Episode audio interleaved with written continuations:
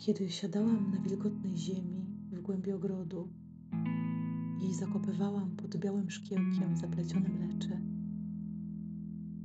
nie wiedziałam, że zaglądam w Twoje zmęczone oczy.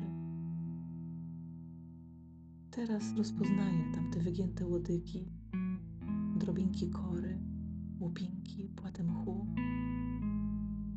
Układają się w otchłań, w której darmo szukać krawędzi. Ogród przerasta w ulicę, ulica w miasto, a miasto przepływa w Wisłę. Jeśli nie zaśniesz, nie przymkniesz powiek, mogę wejść prosto w jej gęste fale, rozsuwać śliskie ławice ryb i nagie ciała syren i plątaniny jedwabnych wodorostów. Na samym dnie, w ciemnym piasku, leży maleńki szmaragd. Upuścił go Jezus, przechodząc przez Twoją samotność.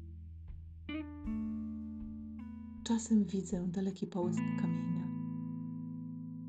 Za oknem wstaje świt, a Ty mówisz, że śniła Ci się rzeka.